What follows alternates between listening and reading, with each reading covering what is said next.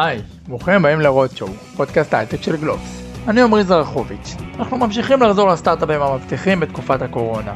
היום נמצא איתנו מיכאל גבה מחברת טריגו שמפתחת טכנולוגיה לחנויות ללא קופה. למה הוא לא חושש מאמזון גו? מה הופתע לגלות על שוק הקמעונאות? ומתי כבר נוכל להיכנס לחנות, לקחת כמה מוצרים ולצאת מבלי להוציא את כרטיס האשראי. רודשואו, שיחות עם אנשים שעושים את ההייטק הישראלי, בהנחיית עמרי זרחוביץ'. אז היי מיכאל. אהלן, מה שלומך? בסדר, מה שלומך? בסדר גמור. אתה עוד במשרדים אני רואה. אנחנו במשרדים, כלומר לא כולם, מי שרוצה, מי שלא רוצה, אה, כמובן עובד מהבית. אז אנחנו חוזרים אה, כל מיני פרקים לסטארט-אפים המבטיחים, אתם, אה, אתם הייתם אחד מהם, זה היה בדצמבר האחרון, והעולם השתנה לגמרי בחודשים האלה, והפעילות שלכם, אתם עובדים עם קמעונאים, עוד מעט תספר מה אתם עושים, השתנתה מכל מיני צורות, ודווקא מעניין לשמוע, זאת אומרת, זה לא הזום שברור שהם נהנים מהמעבר לדיגיטל, אתם חנויות פיזיות, אז מעניין לשמוע איך אתם מרוויחים מהסיפור הזה, אם אתם מרוויחים או איפה האתגרים. אז בואו נתחיל, תספר בקצרה מה אתם עושים ונתחיל לרוץ. בגדול, טריגו חברה, הייתי אומר, מהפכנית. מה שאנחנו עושים, המוצר הראשון שלנו זה יכולת להיכנס לחנות ולצאת בלי צורך בשום דבר. כלומר, הקונה, הלקוח לא צריך לסרוק שום דבר, וגם הקמעונאי לא צריך לעשות שום דבר. נכנסים ואתה יכול לקחת מה שאתה רוצה מהסופרמרקט, שם אנחנו כרגע מתמקדים, וזהו, אתה פשוט הולך ומקבל את החשבון. אנחנו למעשה מזהים כל מה שקורה במרחב החנות בעזרת מצלמות שאנחנו מתקינים בתקרה, ומבינים כל מה שקורה.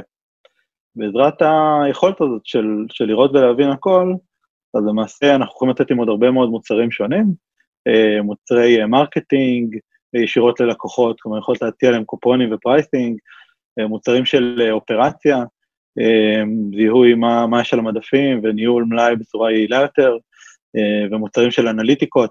בשלב הזה אנחנו מתמקדים ביכולת של, של להיכנס ולצאת בלי קופה, אבל, אבל היכולת היא יכולת שבעצם פלטפורמה שעל בסיסה יהיה אפשר להלביש הרבה מאוד מוצרים שונים. עוד נגיע לזה וקצת גם על התחרות וכו'.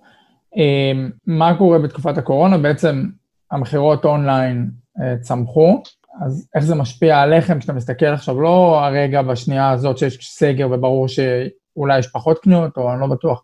בחנויות האלה בוא נדבר עכשיו שנה, שנתיים, שלוש קדימה. אז זהו, שזה לא נכון מה שאמרת. זה המחשבה הרגילה, או, או מה שאנשים נוטים לחשוב, אבל האמת היא שזה ממש לא נכון.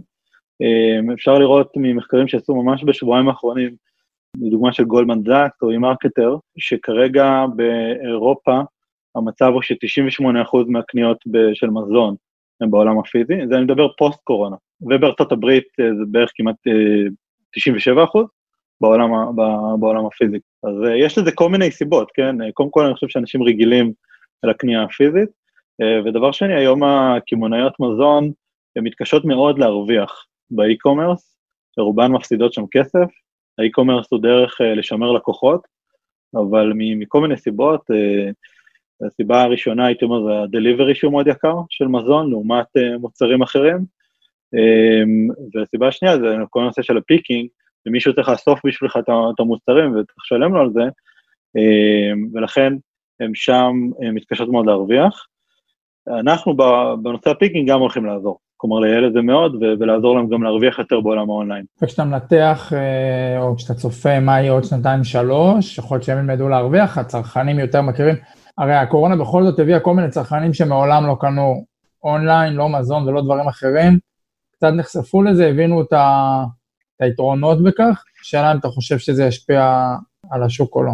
קשה לי לראות כרגע איך זה משפיע עלינו, בצורה שלילית. השוק הוא כל כך גדול, הצורך הוא כל כך משמעותי, וגם אנחנו רואים עלייה בצורך בחנויות, שהייתי אומר חנויות קטנות ובינוניות, ששם אנחנו כרגע בסופרמרקטים קטנים ובינוניים, שם כרגע עלייה בצורך, ושם, ששם כרגע אנחנו מתמקדים, לכן אני לא רואה איך, איך זה פוגע בנו, להפך. איך אתה חושב שהקורונה וזה שאנשים יותר נחשפו לרכישות אונליין, בכלל האפשרות הזאת, ישפיע גם על, ה, על, ה, על, ה, על הדפוסים, דפוסי התנהגות, אחרי הקורונה, בעוד שנה, בעוד שנתיים, ואיך זה ישפיע עליכם? קודם כל, אני חושב שהשאלה מראש היא נשאלת, מ, הייתי אומר, מפה של ישראלי, ומתוך כמובן אנחנו ישראלים, כי כי בארץ המכירות אונליין הן הגבוהות ביותר בעולם, בפער מאוד משמעותי לעומת מדינות אחרות. חשבתי שתגיד לי הפוך, אגב, שבישראל אנשים לא רגילים לקנות מזון אונליין, אז אני עכשיו הופתעתי לגלות את זה. ממש לא, אנחנו, ב, אנחנו כל כך uh, קיצוניים במובן הזה שאני לא רואה אותנו בגרפים של ההשוואות בין מדינות אפילו, אז uh, כלומר ההערכה בארץ שזה פחות או יותר 25 אחוז מהקניות הן באונליין. של איזה קניות? שקניות מזון נעשות באונליין, אה, שזה בפער עצום לעומת כל מדינה אחרת שראיתי. מדינה שנייה זה דרום קוריאה, 17 אחוז. כמו שאמרתי, בארצות הברית אנחנו מדברים 3 אחוז, במערב אירופה זה מדינות כמו גרמניה, אנגליה, צרפת, הממוצע הוא 2 אחוז, כן? אז, אז, אז אם היית מדבר עם אה, אה, מישהו ממוצע במערב אירופה מארצות הברית, אה, שהוא לא מהסיליקון וואלי או מלונדון, אז, אז סביר להניח שהוא אומר לך שהוא לא קונה אונליין בכלל, הוא לא יודע מה זה, לקנות מזון אונליין. אז תגיד, מה זה 25 אחוז? איפה יש בפריפריה, או במקומות שהם לא ערים, בוא נגיד פרברים בישראל, מגיעים משלוחים ל-25, אתה יודע, יש הרבה מקומות שלא מגיעים אליהם בכלל משלוחים של אוכל, של מזון, אה, אני לא מדבר על מסעדות, אה, כאילו על תיקו. כן, אה, זה, זה, זה המספרים בארץ. שופרסל היא כמובן ביפר השחקן הכי דומיננטי, ואכן אנחנו במספר מאוד גבוה באופן יחסי לעולם. זה בעיקר כמובן בגוש דן, אבל אבל במספר מאוד מאוד חריג. שוב, אני, אני חושב שה... בסופו של דבר, כדי למכור מזון אונליין, זה, זה צריך יכולת קורפורט מאוד חזקה, זה, זה קצת שונה ממכירות פיזיות, מבחינת ייעול של uh, supply chain, um, ו- ולעשות את זה בצורה חכמה. בישראל זה שילוב של גם שאני חושב שהיא מדינה קטנה מבחינת המרחקים, וגם שיש פה שחקן קורפורט מאוד חזק כמו שופרסל, מבחינת היכולת שלו לנהל את זה בצורה חכמה, אה, מביאה את זה שיחסית המכירות אה, באונליין הן חזקות, אבל זו באמת דוגמה מאוד יוצאת דופן מיחס העולם. בסופו של דבר, יש כל מיני חברות שמבינות היום שהן צריכות להציע את המוצרים, גם אתם, עוד מעט תספר על זה בטח, צריכות להציע את המוצרים שלהם אונליין, לשנות את הגישה, נכון? להיות יותר דיגיטליים, לשנות שיטות עבודה וכו'. סופרמרקטים, לצורך העניין, לא חייבים. זאת אומרת, מי שבא לסופרמרקט מקבל את אותו שירות, חוץ מבאמת מה שאמרת, לעשות משלוחים הביתה. אבל אנחנו מדברים כרגע עליכם שאתם מטמיעים טכנולוגיה בתוך החנות. אז כל העולם נהיה יותר דיגיטלי וכל העולם מבין שהוא צריך להיות דיגיטלי. אותם בעלי חנויות פיזיות, גם מבינים שהם צריכים להיות יותר דיגיטליים? כי חייבים הם לא. בוודאי. תראה, הבעיה הכי גדולה של סופרמרקטים הפיזיים היא קודם כל חוויית משתמש. זו בעיה בינלאומית, uh, worldwide, כן, בכל מקום. שאנשים שונאים לעמוד בתור. אה, זה קיים עוד לפני שהייתה קורונה, כולנו מכירים את זה, אף אחד מאיתנו לא אוהב לעמוד בתור ולחכות עשר דקות ועם רבע שעה עד שיגיע הרגע שלו, שיסרקו לו את המוצרים. בעולמות הקורונה, הצורך הזה מועצם, זה צורך שהיה גדול מאוד עוד לפני הקורונה, עכשיו הוא נהיה חריף, הייתי אומר, כי אנשים גם לא אוהבים להתתופף ולעמוד אחד ליד השני, אה, וגם יש הגבלה של כמות האנשים שיכולים להיכנס לתוך חנויות. אתה יודע שהרבה אנשים מצטופפים ומתקבצים באזור הקופה, אז יש לך פעמיים תור, יש לך תור ביציאה ויש לך תור גם בכניסה לסופר. אז, אז, ו, ואנשים לא רוצים לעמוד בכניסה לסופר ולחכות, אז הם הולכים. אז הסופר מפסיד uh, מכירות. אז ככה שהתור שהיה לפני זה הפך להיות תור חריף, ולראיה, אנחנו חתמנו עם שניים מהכיוונים הכי גדולים בעולם, ממש ב, בימים אלו, uh, בימי הקורונה, על, על חוזים, אז ככה שזה רק יתעצם, אבל הייתי מוסיף לזה עוד כמה דברים. אחד, יש את הנושא של הרווחיות שלהם, שהיא בממוצע 2% מה, מההכנסות, רווחיות אמ, פר הקורפורט. נכון שההכנסות הן עצומות, אבל בסוף האחוזים הם נמוכים, ועם מערכת כמו שלנו, הרווחיות תעלה בצורה מאוד משמעותית. אמ, בסדר גודל של כפול 4 ברווחיות, ברגע שמטמיעים מערכת כזאת, מה זאת אומרת, שבערך 8-10 אה, אחוזים שיעור רווחיות תפעולית? כן, מכיוון, בוודאי, כי יש גם ירידה בכוח אדם, גם ירידה בפחת, שהיא משמעותית, גם היכולת לנהל את החנות בצורה הרבה יותר חכמה, מבחינת pricing, מבחינת ה-supply chain, אה, אז יש הרבה מאוד דברים, אה, שזה הדברים בסוף הכי משמעותיים שנוגסים להם ברווחיות היום, שמערכת כזאת תוכל להשפיע. ודבר אחרון, שהוא, הייתי אומר, גם מעלה מאוד את ההייפ ואת. ה-awareness העולמי למערכת הזאת זה כמובן אמזון, שאמזון פתחה את הרשת של האמזון גו, שיש להם כבר יותר מ-25 חנויות כאלו. לאחרונה הם התחילו לפתוח חנויות גדולות, אמזון גו, רק אני אגיד, וכולם יכירו, זה, זה חנויות אה, אה, עם טכנולוגיה מאוד דומה למה שאנחנו עושים, חנויות יחסית קטנות, אה, של בערך 200 מטר גודל של חנות. אמזון לאחרונה התחילה לפתוח סופרמרקטים ממש, כלומר באזורים של ה-700 עד 1,200 מטר רבוע, שזה ממש סופרמרקט. אה, אפילו שבוע שעבר הם פתחו עוד אה, סופר כזה בסיאטל. ברגע שהקמעונאיות רואות שאמזון פותחת דבר כזה, והקמעוניות הגדולות שרואות בעצמן כמתחרות ישירות באמזון, אז זה כמובן מעלה מאוד את, ה... את מפלס הלחץ. ואמזון עשתה עוד משהו לאחרונה, היא גם הכריזה שהיא תמכור את הטכנולוגיה לאחרים. עכשיו, כל מי שמכיר קצת את השוק הזה, יודע שאמזון, שהמתחרים של אמזון בחיים לא יקנו ממנה טכנולוגיה כזאת, שמאפשרת לאמזון בעצם uh, לראות מה קורה בחנויות שלהם ו- ו- ולתפעל את החנויות שלהם, וברגע שהם חוששים שהשחקנים הקטנים יותר יקנו את הטכנולוגיה מאמזון, אז זה מעלה מאוד את מפלס הלחץ אצל השחקניות הגדולות בעולם, אה, ואז הן באות לטריגו. אנחנו החברה היחידה בעולם היום שפתחת את זה לסופרמרקטים. איך אתה הגבת כשראית שאמזון אה, פרסמה את ההודעה הזאת? אני מיד חשבתי שיש פה פוטנציאל מאוד... תראה, מי שמכיר את השוק וחי את השוק, יודע שהשחקניות הגדולות מבחינתם אין סיכוי שהם יעבדו עם אמזון. או הם לא עובדים עם אמזון בשירותים הרבה יותר גנריים. אה, אף אחד מהשחקניות הגדולות לא עובדת עם AWS או אלקסה, כל מיני דברים מהסוג הזה.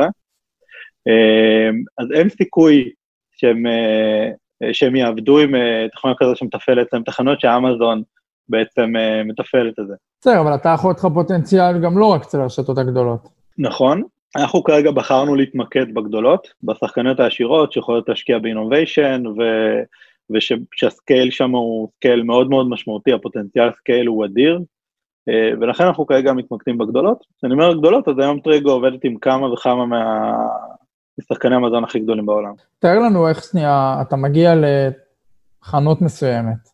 אתה רוצה, החלטתם שבצומת מסוים, החנות הזאת הופכת להיות חנות עם טכנולוגיה של טריגו, זה גם חנות קיימת, נכון? נכון. כמה זמן זה לוקח, כמה זמן זה עולה, מה התהליך, כמה מצלמות יש, מי משלם את העלות הראשונית? כן, זה כמובן אה, קצת משתנה מקמעונאי לקמעונאי והדרך שבה הוא אוהב לעבוד, אבל אגיד באופן כללי, אנחנו שחקן SaaS, אה, כלומר, אנחנו מפתחים את התוכנה, יש שחקנים אחרים שמתקינים, ומתפעלים את החנויות, וגם מוכרים להם את ה hardware, ונותנים לשירותי cloud. זה אנשים, ש... זה גופים שעובדים איתכם קבוע? בוודאי, בוודאי, כלומר, וגם עובדים עם הקמעונאים באופן קבוע, כלומר, אם uh, הקמעונאי הסטנדרטי, כן, אם נחשוב על uh, קמעונאי גדול, אז יש לו שחקן cloud שהוא עובד איתו, שבדרך כלל או אג'ור או גוגל, יש לו שחקן hardware גדול שהוא עובד איתו, לצורך העניין זה בדרך כלל שחקן כמו HP או Dell, um, יש לו שחקן system integrator מאוד גדול, uh, שזה בדרך כלל שחקנים כמו Diebold או NCR או אחרים, לא משנה כרגע, אה, והוא, יש לו את השחקנים האלה שהוא רגיל לעבוד איתם, אה, שזה corporate כמובן מאוד גדולים, והם, והם אה, עושים להם את כל התפעול של, ה, של הדברים שציינו. אנחנו כטריגו נכנסים פה ב partnership הזה עם התוכנה שלנו שמאפשרת בעצם את כל, ה, את כל הקסם הזה, אז זה מהבחינה הזאת. התהליך של הטמעה בחנות הוא יחסית תהליך פשוט, זה סוף שבוע שמתקינים את המצלמות אה, בתקרה ובעצם את המחשוב ואת ה hardware בחנות. אה, אז נכנס תהליך של בעצם שאנחנו לומדים את החנות, יש תהליך של, אה, של בדיקות שנעשים בחנות לוודא שהדברים באמת עובדים בצורה טובה, ואז פתיחה לציבור. כל התהליך כולו שציינתי צריך לקחת סדר גודל של שלושה חודשים מינוס, אבל אפשר לעשות את זה בצורה מגבילית, הרבה מאוד כאלו. זה כרגע זה, זה הסיטואציה, בעתיד זה יהיה אפילו פחות מחודש. מה בעצם מונע זאת אומרת, נכנסתם לרשת, בוא נגיד, לא יודע, הרשת הכי, הלקוח הכי ותיק שלכם, אבל אני יודע שדורה, מה מונע מכם להתרחב? הם עדיין רוצים לראות שהטכנולוגיה עובדת? הם, אה, מה... לא, כרגע אנחנו בשלבים סופיים של בעצם מבצעיות של, ה, של התוכנה, ואנחנו ממש ברגעים האחרונים של זה, כלומר, התוכנה שלנו היום היא כפסע כבר מלהיות אה, מוכנה לטובת הציבור הרחב, רק נגיד למאזינים שלפני ה... הרעיון הראיתי לך איך זה עובד, זה עובד בצורה מדהימה. יש, יש כמובן תהליכים סופיים של, אה, של להביא את זה לרמה שגם הציבור יכול ליהנות מזה, ואנחנו לגמרי שמה. במהלך שנה הבאה, היום אנחנו כבר בשלב שהמערכת שלנו מותקנת ועובדת כבר בכמה מערים אה, ראשיות בעולם, אה, ובמהלך שנה הבאה אנחנו הולכים לפתוח את התחנות האלו לציבור. זאת אומרת, היום עדיין אי אפשר לקנות בחנות כזאת. אפשר, אם אתה נבחרת למשימה. אוקיי. יש, לגמרי, יש היום אנשים שבחוץ, אה, באירופה, שהולכים וקונים במערכת שלנו, הם אנשים שנבחרו לטובת המשימה, והם קונים, אה, הם קונים עם המערכת שלנו ואוכלים את ארוחת צהריים שלהם, אחרי שהם קנו עם מערכת של טריגו. בהמשך זה הולך להיפתח לכולם. בעצם התחלתם את החברה ב-2017, זה לא כזה מזמן, ואתה אומר שיש אמזון גו, שאמזון גו גם כבר קיימים, אה, לא כזה הרבה, אבל שנתיים נראה לי. איך זה שבעצם אין עוד מתחרות, אין עוד חברות, שעד 2017 אף אחד לא התחיל את הרעיון הזה? קודם כל, אנחנו uh, גייסנו את הכסף הראשון שלנו בפברואר 18, שזה עוד יותר לא כזה מזמן. אוקיי. למעשה גייסנו את הכסף, יומיים אחרי שהכסף uh, נכנס לבנק, אמזון פתחה את החנות הראשונה שלה, ויומיים אחר כך אני כבר הייתי שם, מן הסתם ונהניתי מה, מהקנייה. Um, yeah, זה, זה דיפ טק uh, אמיתי, מה שנקרא, זה טכנולוגיה מאוד מאוד מורכבת, אתה צריך צוות מאוד חזק כדי לפתח uh, כזאת טכנולוגיה. יש הרבה שמנסים, כמה מהמעצמות הטכנולוגיות ניסו, חלקם נכשלו, חלקם עדיין מנסות. טריגו, באמת, יש פה את אחד הצוותים הטכנולוגיים הכי חזקים בישראל, וזה מה שאתה צריך כדי להצליח לפתח כזה דבר. אנחנו כרגע ממוקדים בשוק שאנחנו חושבים שהוא השוק המשמעותי והשוק הגדול, שזה שוק, שוק הסופרמרקטים. יש גם חברות כמו Trax, uh, ישראלית סינגפורית, uh, שעושה בעצם משהו דומה, נכון? אתה דיב... אמרת כמה דברים בהתחלה, וכזה אמרנו שנגיע אליהם. אתם עוזרים ל... ללקוחות, זאת אומרת, אתם מאפשרים ללקוחות להכניס דברים, לקחת דברים, ופשוט זה מחייב אותם אוטומטית. זה יכול להיות לעגלה, זה יכול להיות גם אתה יכול לשים בכיס, זאת אומרת, אתם רואים את זה כבר כשהם לוקחים את זה מהמדף. אבל once עשיתם את זה וניתחתם, אתם יכולים לנתח את כל החנות, נכון? זה מה שהראית לי בהדגמה, אתם יכולים נכון. לדעת איפה הבן אדם מסתובב, אתם יכולים לדעת אם הוא לקח מוצר והחזיר אותו. אמ, אתם יכולים לדעת איזה מדפים יותר בולטים, או כמה הוא באמת מסתכל על המדפים למטה, וכו' וכו', ועד תחרות השפעות של מבצעים. עכשיו, Trax, אני מניח, גם לא החברה היחידה שעושה את זה, אבל יש חברה ישראלית שגם עובדת על עיבוד תמונה ובעצם יודעת גם לנתח את החנות אמ, ולעזור לראות מלאים, לעזור לראות אם המבצעים עובדים או לא. איפה אתם בעולמות שם? זאת אומרת, אה, תן לי שנייה את התחרות פה. מולם. יפה, אתה נוגע באמת בנקודה מעניינת, כי אנחנו כטריגו הייחודיות שלנו, זה בעצם העובדה שאנחנו אה, עוקבים אחרי הכל ומבינים אחרי הכל מה שקורה בחנות. בעזרת היכולת, נקרא לזה ה-layer הבסיסי הזה, אתה יכול לפתח הרבה מאוד מוצרים שונים, אה, שבין השאר זה גם מה שטראקס עושה. אבל הייחודיות שלנו זה שאנחנו יכולים להיות one vendor או one stop shop אה, לקמעונאי כזה, ולתת לו הרבה מאוד אה, שירותים שונים, שבזמן אמת, כל הזמן, לא צריך שום אף בן אדם שילך לחנות ויצלם מדפים או, או דברים מהסוג הזה. אז בין השאר אנחנו כמובן נעשה מה ש Trax עושה, Trax חברה מדהימה וגדולה ומצליחה, אבל המערכת שלנו תוכל אה, אה, אה, למעשה לעשות את מה שהם עושים כל הזמן בזמן אמת. הייחודיות שלנו בעניין הזה, זה שלא רק שנעשה את מה ש Trax עושים, למעשה החיבור, Trax מאוד מתמקדים במדף. ומה שקורה במדף, בשינויים על המדף עצמו, המערכת שלנו מאפשר את החיבור בין, בין המוצר לבן אדם. ולכן זה, זה הרבה מעבר ל... האם לקחתי מוצר ושמתי אותו עכשיו במדף הלא נכון והפלנוגרמה השתנתה, אלא ממש כל, החו... כל הממשק בין, ה... בין, ה... בין הלקוח למוצרים, שזה track אה, אה, לא עושה.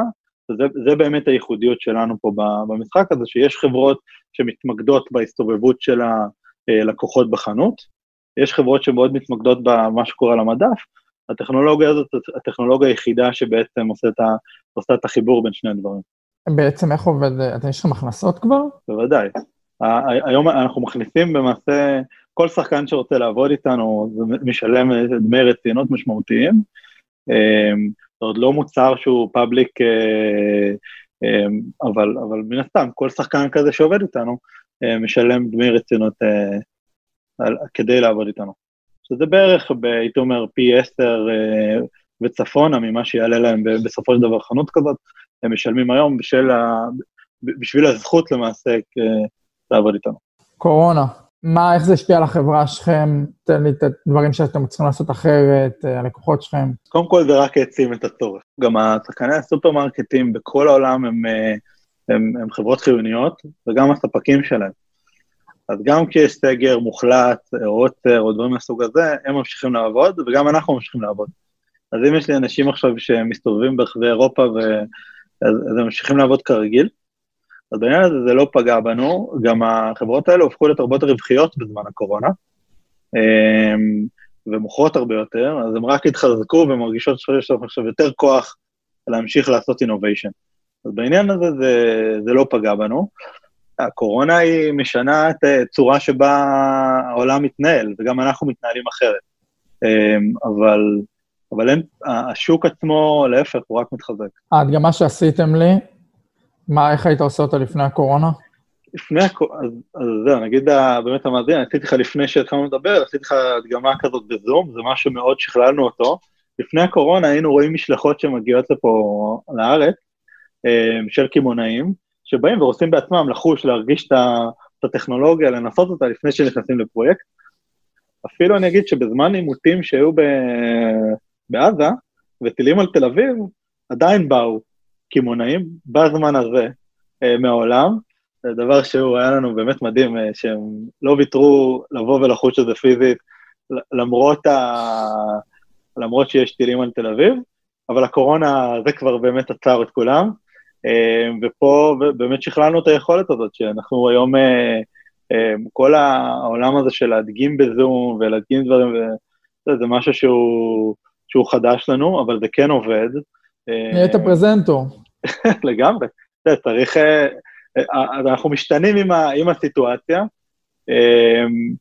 ובאמת אנחנו חתמנו עם שני קמעונאים מהטיר 1 העולמי בזמן הקורונה. זה משהו שהוא... לפני הקורונה לא הייתי חושב שקמעונאי בסדר גודל כזה אה, יחתום עם, איתנו בלי לבוא אה, פיזית אלינו למשרד אה, כמה פעמים, לראות את הטכנולוגיה ואז אה, אה, לחתום איתנו.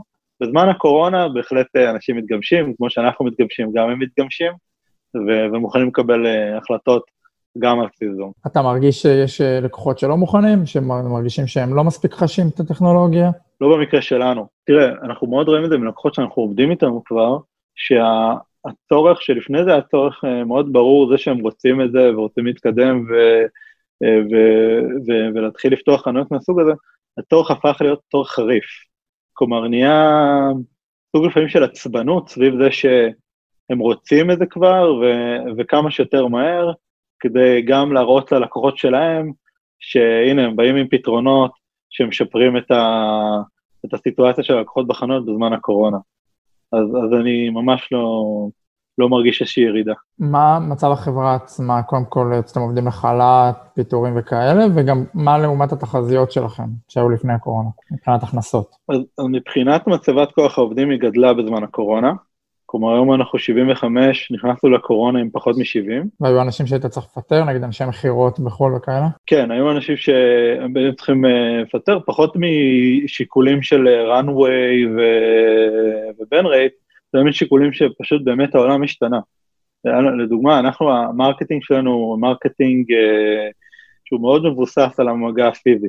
כלומר, אנחנו בעיקר פונים לשכבות הבכירות בחברות, ברמת המנכ"ל, ה board, C-Level בחברות, וזה בעיקר כל מיני כנסים שבהם, אה, שבהם פוגשים אותם פיזית, הכנסים האלה התבטלו מן הסתם לחלוטין, אה, והיו לנו אנשים שתפקידם היה לארגן את הכנסים האלו. אז זו דוגמה כבר לא קיים, ו... והעולם הזה נעלם לחלוטין כרגע, אז כן היינו צריכים אה, לצמצם במקומות מסוימים, אבל באופן כללי החברה ממשיכה לגדול וממשיכים לגייס אנשים. ולגבי התחזית אה, הכנסות שלנו? התחזית ההכנסות שלנו נשארה כרגע אותו דבר, אין איזשהו שינוי, לא לרע וגם לא מאוד... אה, בסוף אנחנו ממשיכים באותה תוכנית. אנחנו עובדים היום עם, לא יכול להגיד uh, מי ומה, כי זה באמת הזכות שלהם uh, להגיד ובבוא עת הם יגידו, אבל, uh, אבל כרגע אנחנו עובדים עם uh, כמה וכמה שחקניות, uh, שיש uh, תוכנית של שנה הבאה, כל אחד מהם תהיה לו חנות פתוחה כבר, לציבור בכמה ערים מרכזיות בעולם, uh, ולאחר מכן יתחיל הסקייל המשמעותי. מה עם ישראל? גם בארץ, מן הסתם. לא, זה לא כזה מן הסתם, אתה יודע. אנחנו רגילים לא ל... אז גייסתם 32 מיליון דולר מאז שהוקמתם. אתה יודע, יש, יש עכשיו, אנחנו רואים עכשיו הרבה גיוסים, הרבה גיוסי הון. וחלק מהסיבה היא שאנשים אומרים, אוקיי, גם הולך לי טוב אז אני יכול, גם אי אפשר לדעת לאן העולם ילך, אם הוא הולך למשבר או, או לא. וכשהסתכלתי כמה גייסתם לפני הרעיון, אז זה, זה היה נראה לי הגיוני שגם תגייסו. או שאלתי את עצמי מתי תגייסו. אז מן הסתם זה מה שאני לא יכול לדבר עליו פה אה, מול כולם, אבל אה, מן הסתם אנחנו חברה, אני אגיד את זה ככה, ש, שמקבלת הצעות, ו, אה, ו, ו, ומן הסתם שנצטרך להודיע מה שנודיע, נודיע את זה בפומבי. תגיד, נפגשת עם החבר'ה של אמזון גו? לא. כלומר, אנחנו מכירים, אנחנו מכירים הרבה אנשים שעובדים שם, אם נפגשנו איתם, עם, עם המנהלים של אמזון גו, לא, זה לא, זה לא משהו שהוא... אנחנו לא, בסוף אנחנו לא, הוא מצד אחד לא, לא מתחרים בהם בצורה ישירה. למה לא? מצד שני, כי אנחנו מוכרים את הטכנולוגיה למתחרים שלהם. לא, אני לא... בסדר, אבל אם הם יתחילו למכור טכנולוגיה, הם יכולים למכור טכנולוגיה ללקוחות שלכם. השוק הוא כל כך גדול אה, וכל כך משמעותי, שהשחקנים שאני עובד מולם ומעניינים אותי זה לא השחקנים ש... אה, שיקנו מאמזון, ויש עוד הרבה מאוד שחקנים כאלה.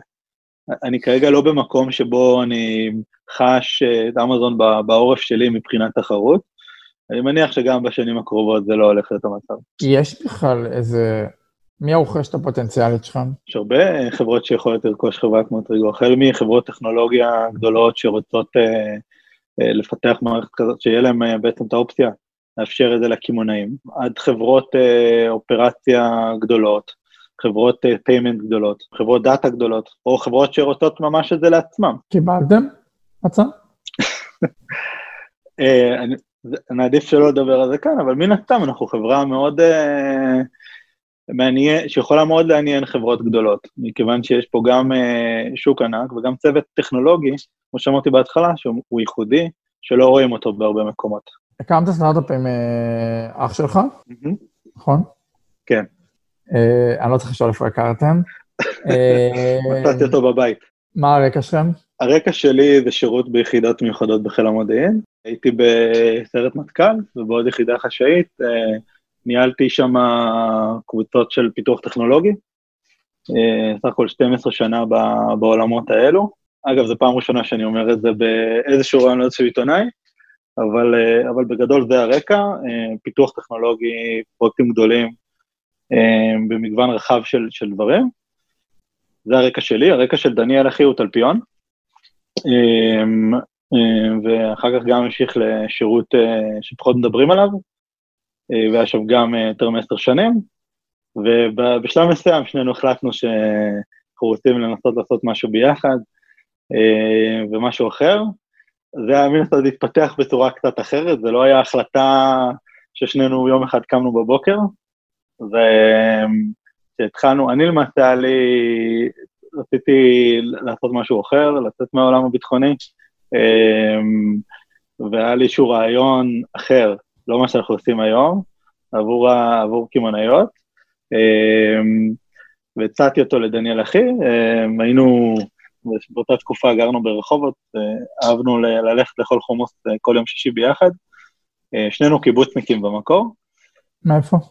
מקיבוץ נצר, זה היה איפה ששם באזור ואדי ערה. אז אני בעצם באתי מהרעיון, בהתחלה הוא, אה, הוא התלהב מהרעיון הטכנולוגי, אבל פחות מה...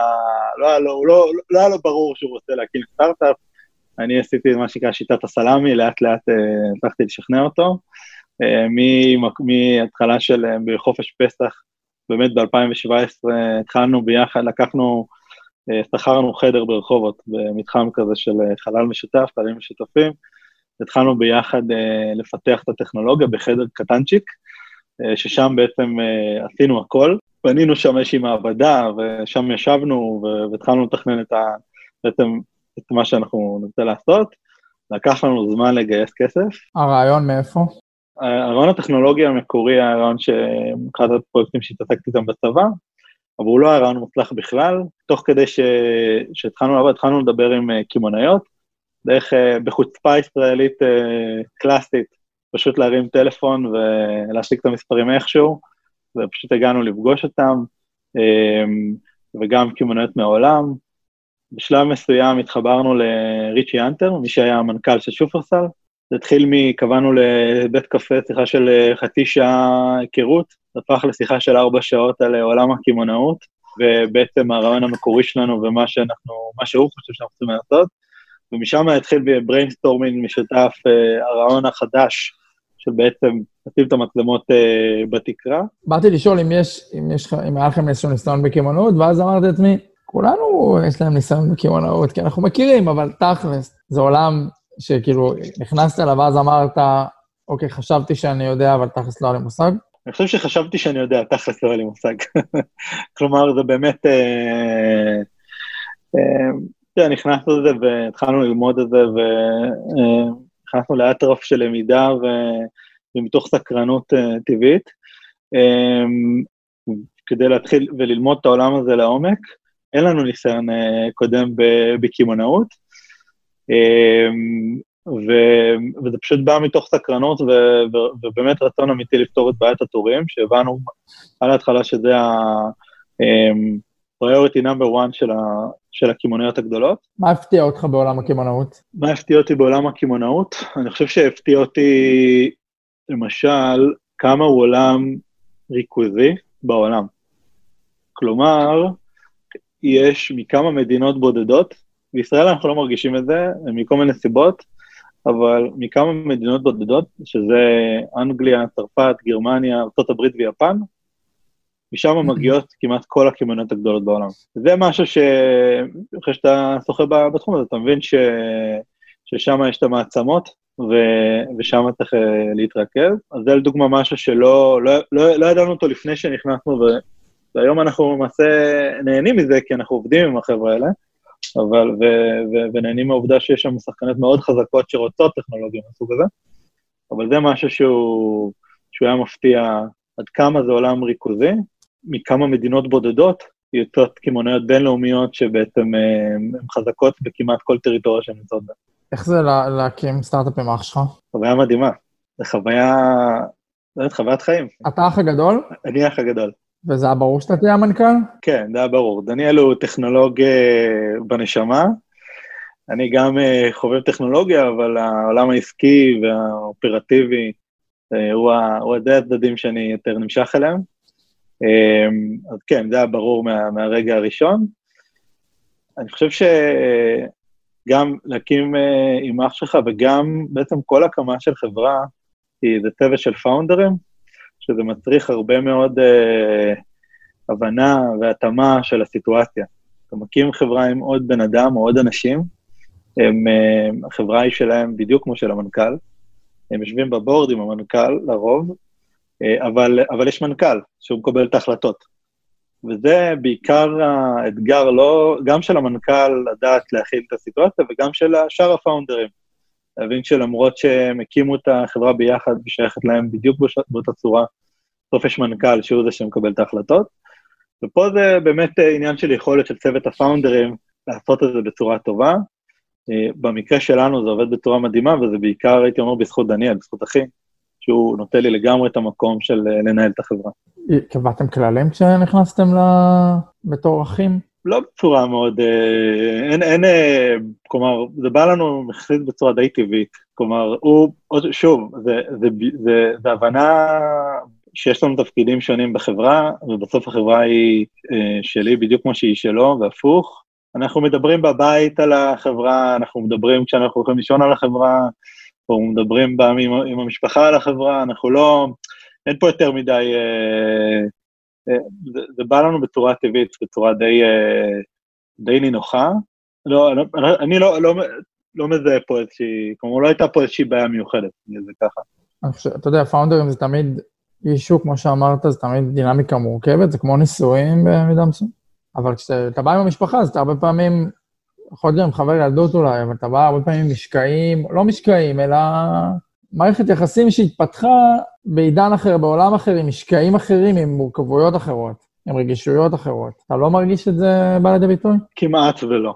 כלומר, זה, במקרה של, במקרה של דניאל ושלי, היינו חברים מאוד טובים לפני שהקמנו את החברה, אה, בנוסף לזה שהיינו אחים, נשארנו חברים מאוד טובים ואפילו יותר טובים אחרי שהקמנו את החברה. אני חושב שיש הערכה, כל, כל מי שעובד איתנו, אני מניח יעיד, שיש הערכה הדדית מאוד מאוד גדולה בינינו.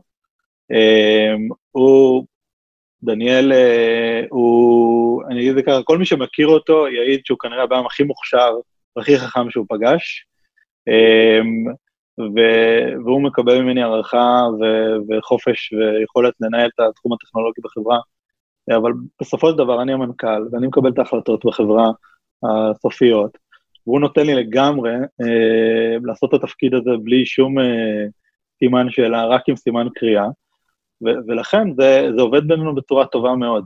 כלומר, אני, החוויה הזאת של להקים איתו את החברה היא באמת חוויה מדהימה, אה, שאני מאחל לכל פאונדר אה, לחוות חוויה דומה עם הצוות פאונדרים אה, שלו.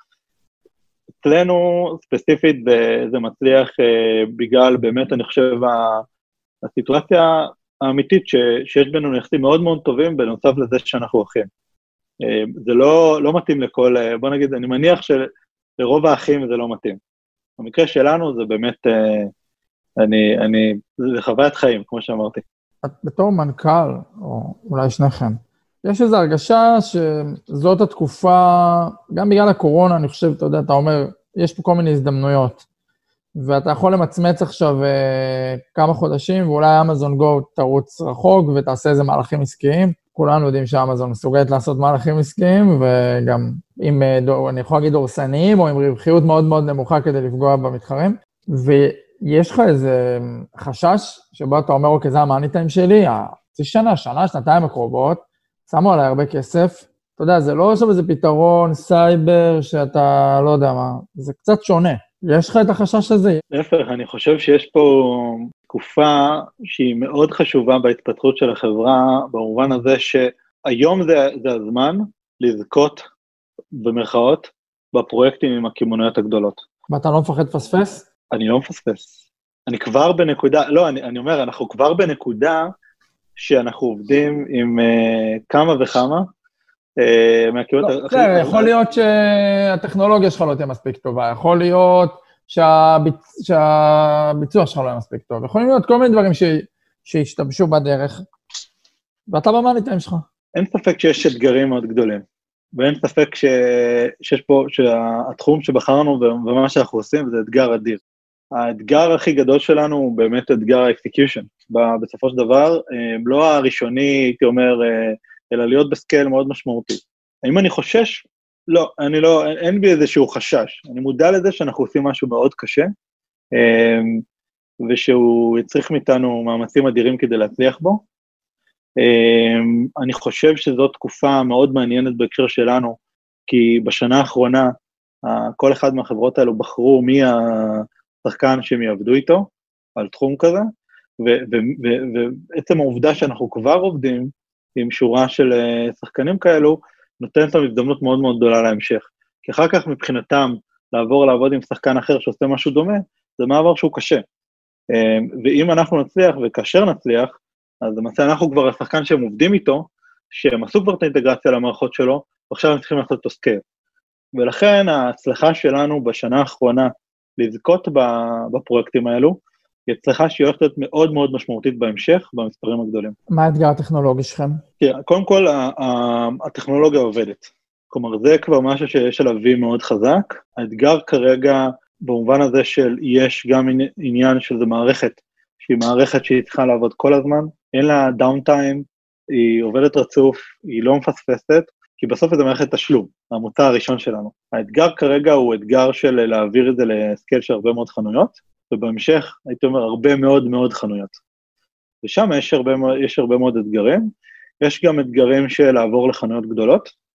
היום אנחנו מתרזזים בסגמנט של, אה, אה, נגיד זה כך, חנויות קטנות בינוניות, ובהמשך... מה הגודל? היום ההכנות הראשונות שלנו הן הולכות להיות כולם באזורים של ה-300 עד 500 מטר רבוע, שזה בעצם סופרמרקטים קטנים, ובהמשך כמובן נעבור גם לסופרים הגדולים, וזה גם הולך להיות אתגר uh, משמעותי. צריך להגיד שאנחנו החברה היחידה בעולם ש... שהיא לא אמזון שמפתחת לסגמנט הזה של ה-300 עד 500. אבל סגמנטים אחרים?